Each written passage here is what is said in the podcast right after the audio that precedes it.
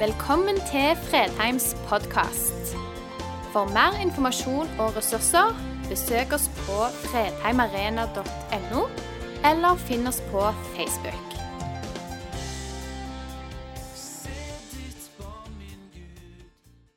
Eh, Jeg sa det litt på spøk før gudstjenesten i dag, at dette er siste søndag vi skal prøve å gjøre Jesus synlig. Eh, Det kan misforstås, for det er det det handler om. I alt det vi gjør, og alt det vi er, prøver å gjøre Jesus synlig. Men denne taleserien avsluttes denne søndagen. I 1991 så tok jeg meg en permisjon fra min første tid som eh, leder på Fredheim. Og så fikk jeg jobb i noe som den gang het Forenede Forsikring. Og siden det ikke finnes lenger, så kan jeg nevne det. Sant? Så da er ikke det noe reklame. Det er altså ikke lenger eksisterende som forsikringsselskap. På det første salgskurset jeg hadde i Forenede Forsikring, så lærte jeg noe som sitter spikra, men som overraska meg den gangen. Og han som underviste oss, sa bl.a.: Si aldri noe negativt om konkurrenten din. Jeg tenkte jo det at når jeg skulle begynne å gå på besøk hjemme Det året skulle jeg besøke 15 hjem hver uke. Det var målet. Det var det som var malen for å lykkes. Så jeg skulle innom 15 familier hver eneste uke. Og jeg tenkte jo nå skal jeg jo rive ned motstanderne sine argumenter og sette meg inn i det som er bedre hos oss og dårlig hos de. Men så sa han nei, si aldri noe negativt om konkurrenten. Denne uken var det samla hundrevis av ledere i Norge eh, til en konferanse som var digitalt. Og Øystein Gjerme, som eh, var en av underviserne i det som heter Exponential Europa, det å plante nye menigheter, han fortalte om en kultur de ønsket å ha i Salt Bergenkirken. Et språk, en kultur, som de ønsket skulle prege fellesskapet. Og En av de tingene var at folk som ikke frelst, kaller vi ikke for hedninger eller syndere. Vi kaller de venner. Det, da måtte jeg tenke meg litt om. Er det bibelsk? Liksom, Bibelen er jo, Vi må jo si at det er en del kraftuttrykk i Bibelen. du som har lest gjennom den. Sant? Det er jo noen heftige benevnelser av folk. Men når du begynner å lese litt nærmere, så ser du at de som får de hardeste dommene, det er som regel sånne som oss, fariseere og skriftlærde. Vi som tror vi har svaret. Det er vi som får de ganske kraftige ordene. Men forunderlig nok leser vi spesielt i møte med Jesus at de menneskene som vi ofte ser på som utenfor, vi definerer de bort fra troen og fellesskapet Hva kalte Jesus de? Om Jesus ble det sagt at menneskesønnen er kommet, han spiser og drikker, og dere sier, se for en storheter og vindrikker, venn med tollere og syndere. Tankevekkende. Si aldri noe negativt om konkurrenten. Hvordan skal vi omtale mennesker som av forskjellige grunner ikke har valgt å tro på Jesus og følge ham? Er den beste måten å si 'du din hedning' eller 'du din synder'? Ja, men vi er jo hedningefolk alle sammen. Vi som ikke er jøder, vi er alle hedninger. Sant? Og skal vi være helt ærlige, er det noen syndere i salen her òg? Eller er det noen som mener at det er et forbigått stadium, du ikke lenger kan si det? Kanskje skulle vi begynne å tenke annerledes om de menneskene som vi ønsker å gjøre Jesus synlig for. Jesus han var venn med disse menneskene. Det har noe med språk å gjøre. Og Denne teksten har fulgt oss de siste søndagene. Fra Johannes evangeliet kapittel 12. Vi leser i Jesu navn. Det var noen grekere blant dem som var kommet for å tilbe under høytiden. De gikk til Philip, som var fra Betzaida i Galilea, og sa, 'Herre, vi vil gjerne se Jesus.' Og Noe av det som har vært hjerteslaget for oss denne høsten, er der er uendelig mange flere mennesker enn de vi tror, som så gjerne ville se Jesus. De har møtt forsamlinger, de har møtt kirker, de har møtt forskjellige ting. Men kanskje har de aldri fått lov å møte Jesus. Og mange mennesker kan ha negative erfaringer med kristne mennesker. Men har de egentlig fått lov å møte Jesus? Så vi har på en måte en forutsetning at mange mange flere enn de vi tror, ønsker å få se Jesus. Og så må jeg bare ta veldig fort, for vi er forskjellige, og forskjeller beriker. For forskjeller truer ikke, det beriker. Vi møter Jesus på ulike måter med vårt følelsesliv og intellekt. Og vi formidler Jesus på forskjellige måter. Peter han konfronterte. Og Da skal ikke alle bli sånn som Peter. Den Jesus som dere korsfester. Sant? Det er Peter. Han konfronterer. Paulus han reflekterer. Han går inn i kulturer, finner broer i møte med den kulturen han formidler noe til. Kvinnen med brønnen Kom og se, sa han. Kom og se. Hun inviterer. Og så er det den blinde mannen som Jesus helbreder. Og, og, og fariseerne ville sette han på prøve. Men jeg bare møtte Jesus.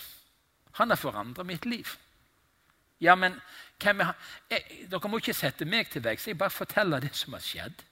Fantastisk måte å formidle det på. Tolleren Levi, som inviterer mennesker.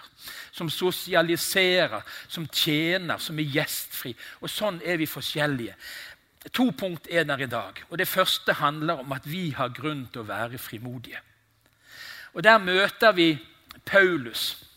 Nå skal vi følge han i et par samtaler som et bakteppe. I kapittel 26 i Apostlenes gjerninger Paulus er tatt til fange. Jødene ønsker å ta han av dage. De jødiske lederne ønsker å få han eh, tatt av dage. De ønsker livet av han. På en måte Han blir hjulpet av romerne til å komme i, i, i et fangenskap i trygghet. Og Festus, som på en måte er romernes ansvarlige, han har han boende i, i fangerommet der lenge. Og så kommer Agrippa, som var konge over et lite område. Han var med i Herodes-slekten. Han hadde fått ansvaret for å utnevne ypperste prester i tempelet i Jerusalem.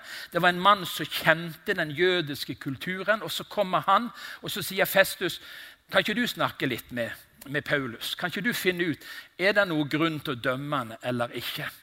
Og så sier Agrippa du har tillatelse til å legge fram din sak. Og så kommer en lang utleggelse av Paulus sitt liv. Og så avslutter han i møte med kongen. Kongen kjenner til alt dette. Og til ham taler jeg rett ut. Jeg er overbevist om at ikke noe av dette er gått ham forbi. Det er jo ikke skjedd i en avkrok. Jeg liker det lille der. Altså, Kjære konge, du vet jo like godt som alle at dette her, det er ikke noe som har skjedd i det skjulte. Dette har skjedd i det åpenbare, og jeg forventer at du har fulgt med. Og så utfordrer han i en refleksjon sammen med kongen. Og så blir det en spennende avslutning. Gå hjem og les kapittelet. Hvor Agrippa sier det er ikke så langt unna Paulus at du begynner å overbevise meg om disse tingene. Så stakk nok ikke det så djupt at det førte til forandring. Men en frimodig refleksjon. Folk, Det er jo ikke skjedd i noen avkrok. Folk, Det med Jesus han er populær etter 2000 år. En snekkersønn fra Nasaret, fra en fattig familie og bakgrunn, er det største navnet gjennom historien kristne folk. Vi kan være frimodige. Det har jo ikke skjedd i en avkrok. Det er verdens største trossamfunn som følger Jesus, snekkersønnen fra Nasaret. Vi har grunn til frimodighet. Du har grunn til frimodighet. Han er frimodig, han er tydelig.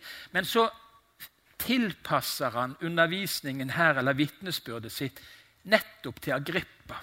Han forutsetter hans kjennskap og kunnskap, og så bruker han det. I kapittel 17 så møter vi Paulus i helt andre settinger. Han er i Aten. Og Noen av dere har vært på Akropolis i Aten, som er et lite sånn jeg, står igjen noe fra den tiden, men der syder det av liv. Der var alle filosofier og religioner og alle som brydde seg om hva som skjedde, var der og møttes. Og så i synagogen førte han samtaler med jødene, og på torget så snakket han hver dag med de som han traff der. I synagogen så tok han utgangspunkt i Skriftene, det som disse kjente til. På torget så brukte han et annet språk. Han reflekterte. Han hadde satt seg inn i kulturen og møtte menneskene. Atenske menn, jeg ser at dere på alle måter er svært religiøse. For da jeg gikk omkring og så på helligdommen deres, fant jeg et alter med denne innskriften. For en ukjent Gud. Vet du, Det er noen uttrykk som ble nye for meg i forberedelsene. Han gikk omkring. Det er ikke så dumt å gå omkring av og til. Det er ikke så dumt å rusle litt rundt og ta til seg inntrykk.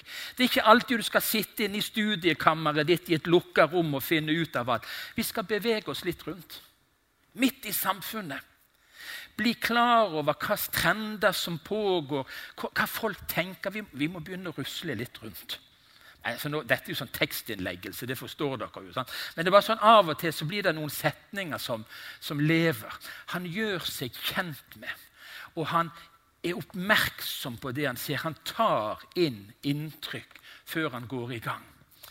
Og så sier han, for det er i ham vi lever, beveger oss og er til så forkynner han Jesus. Så forkynner han Jesu død oppstandelse. Og så blir det oppstandelse der på Akropolis. For dette her var rart for mange. Som også noen av deres diktere har sagt. Paulus hadde altså en større si, interessefelt. Han, han, satte seg inn i samtidens kultur. Han satte seg inn i de forståelsesrammene som andre mennesker hadde. Og da kunne han være frimodig. Og Jeg hadde for noen år siden et studie i kristendom grunnfag og hadde religionsfenomenologi. Og Læreboken var svensk. Og jeg kan si det, Etter å ha lest første kapittel forsto jeg ingenting. Og jeg måtte i alle fall lese det en eller to ganger til bare for å komme inn i språket.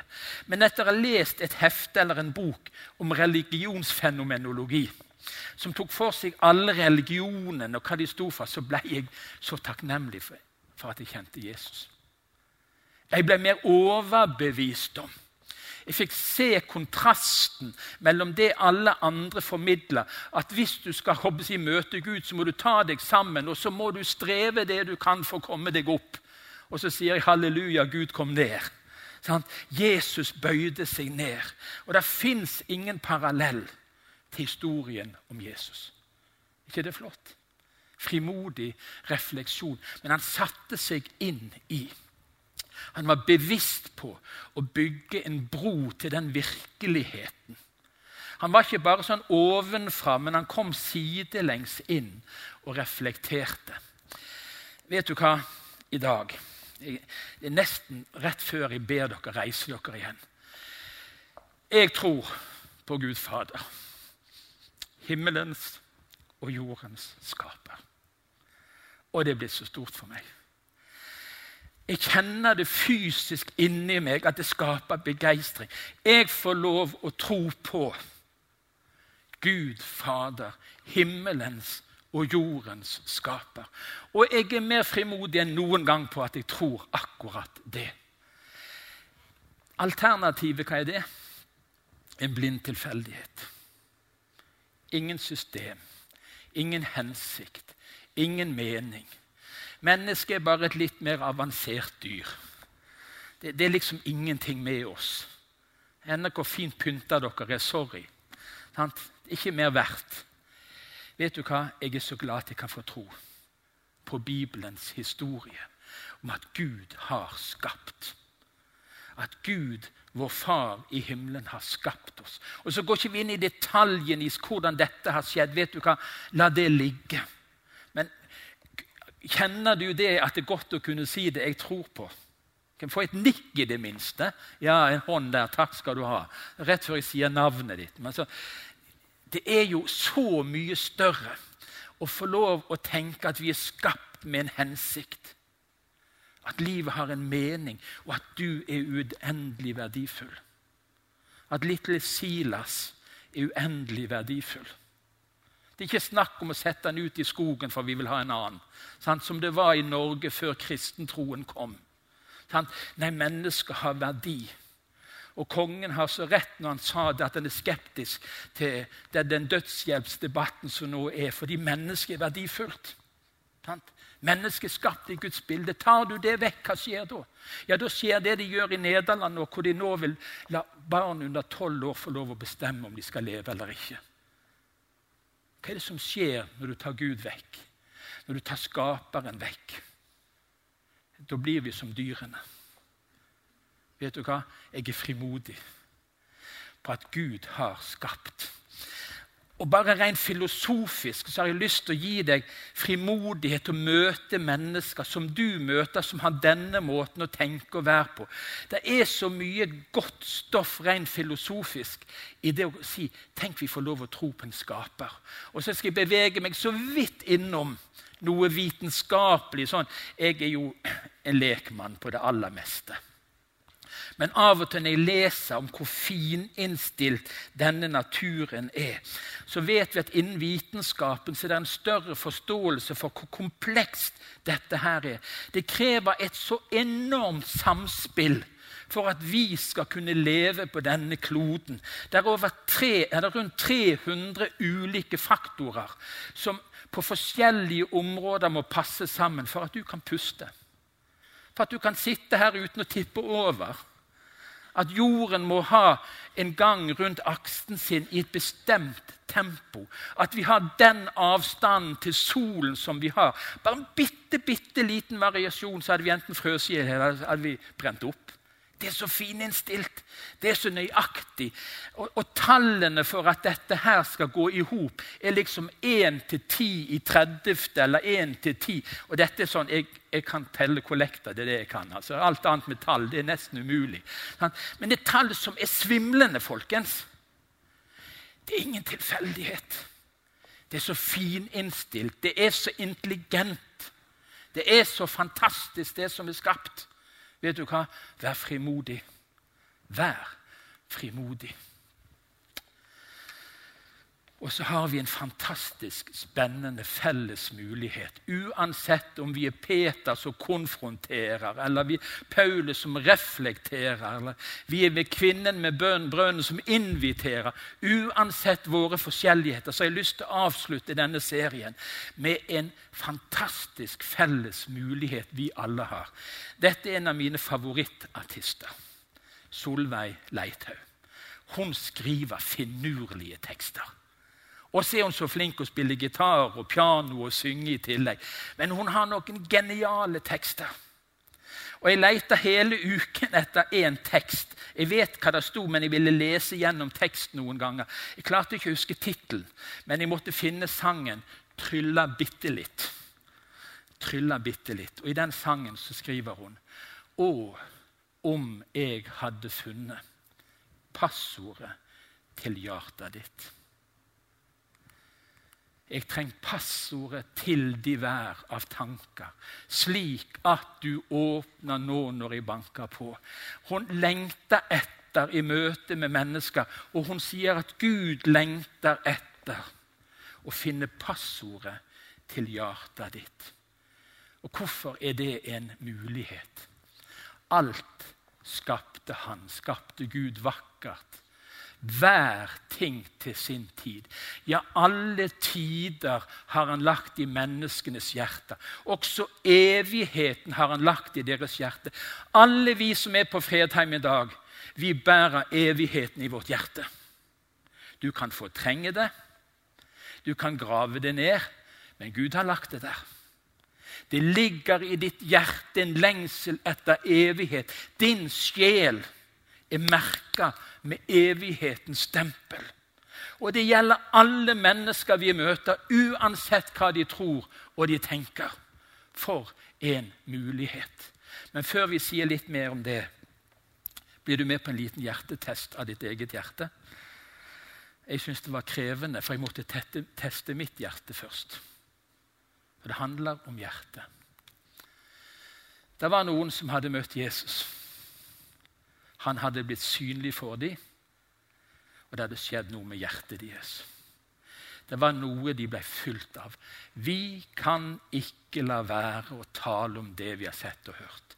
Og I parentes så vet mange av dere som er tett på Bent og meg, at vi blir tvillingbesteforeldre over nyttår. Gjett om vi har sagt det til noen. Gjett om det har blitt nevnt noen ganger. Og nå vet vi at det er to gutter òg. Hvorfor det? Hjertet vårt er jo så fylt. Det er nesten sånn at Jesus har blitt plassert litt ned forbi tvillingen en stund. Fordi hjertet er så fylt av det. Og hva gjør vi med det som fyller hjertet? Vi snakker om det. Sant? Vi snakker om det, for det fyller oss. Men ta en liten hjertetest, du nå. Vær stille et lite øyeblikk. Kan du la være å tale om det du har sett og hørt? det Jesus har gjort for deg? Eller fyller det hjertet ditt? Fyller det livet ditt, sånn at du ikke kan la være? Jesus sier det på denne måten i Matteus 12. Treet kjennes på frukten. For det hjertet er fullt av, det taler munnen. Er du med? Det hjertet er fullt av, det taler munnen. Det som preger oss, det som opptar oss, det som er viktigst for oss, det glipper ut. Det lekker. Og jeg lurer på om det lekker Jesus av mitt liv, av ditt liv. Er det det som fyller hjertet ditt? Er det det som fyller hjertet ditt? Kirkefader Augustin sa det på denne måten. Du, Herre, har skapt meg og mitt hjerte er urolig inntil det finner hvile hos deg. Vet du hva? Der bor tusenvis av mennesker i Sandnes som har et urolig hjerte. Der er noen på din arbeidsplass. Der er noen i din slekt.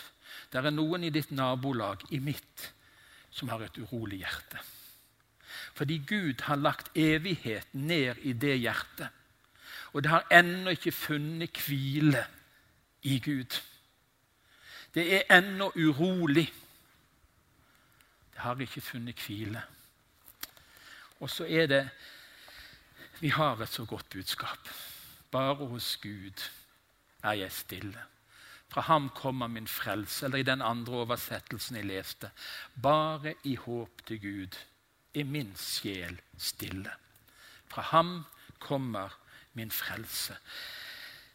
Det er mye uro omkring oss, det er mye travelhet, og noe travelhet må det være. Men sjelen trenger hvile. Hjertet vårt trenger å falle til ro. Din identitet, våre naboer, venners, kollegers identitet trenger å falle til ro der hvor Gud har lagt noe i hjertet deres. Han har lagt evigheten i deres hjerte. Den teksten som denne bønne- og fasteuken avsluttes med i dag, det er Salme 139. En kraftig salme. I de to siste versene i denne salmen så står det Ransak meg, Gud, og kjenn mitt hjerte. Prøv meg og kjenn mine mangfoldige tanker. Se om jeg er på fortapelsens vei, og led meg på evighetens vei. Det går an å gå på Fredheim og ha et hjerte som ikke er vendt mot Gud, men som er fylt av alle andre ting. Det går an å bekjenne troen på Jesus og ha beveget seg så langt vekk ifra Guds hjerteslag ifra det som ligger vår himmelske Far på hjertet, fra det som er viktig for Han. Og jeg har den bønnen denne søndagen. Kunne du, kunne jeg, si det til Gud? Gud, det er søndag 18. oktober 2020. Kan du ransake meg og kjenner mitt hjerte? Du ser mine mangfoldige tanker. Jeg ønsker å være på himmelveien. Og jeg ønsker å få mennesker med meg på himmelveien. Da må mitt hjerte være innstilt på, fininnstilt på, fylt av det som er viktig. Sånn at Gud kan få lov å bruke deg, og Gud kan få lov å bruke meg. Og Det har vært min bønn de siste dagene når jeg har bedt. Og denne uken har vi bedt mye. Vi har det mer enn vanlig. Gud, kunne du møte forsamlingen på Fredheim ved din ånd? Kunne du ransake oss? Ikke jeg. Men kunne du ransake oss? Kunne du prøve oss? På en sånn måte at hvis vi kjente det at vi var på et sidespor i livet, så kom vi tilbake igjen på hovedsporet. Hvis hjertet vårt hadde mista det fokuset det skulle ha, så blei det fininnstilt på Guds hjerte. På Guds hjerte. Og Vi avslutter med setningen fra sangen til Solveig Leithaug. Å, om jeg hadde funnet passordet til hjertet ditt. Og nå er ikke det min bønn, men det er Guds bønn. Du vet hva som er passordet til ditt hjerte. Og Gud lengter etter å finne nøkkelen, bruke nøkkelen til å låse opp. Sånn at ditt hjerte igjen kan bli innstilt på, fylt av, beherska av det som ligger på Guds hjerte, både for deg og for de mange menneskene han ønsker å nå. Og gjøre Jesus synlig for. Herre, vi ber. Du kjenner alle som er her denne søndagen.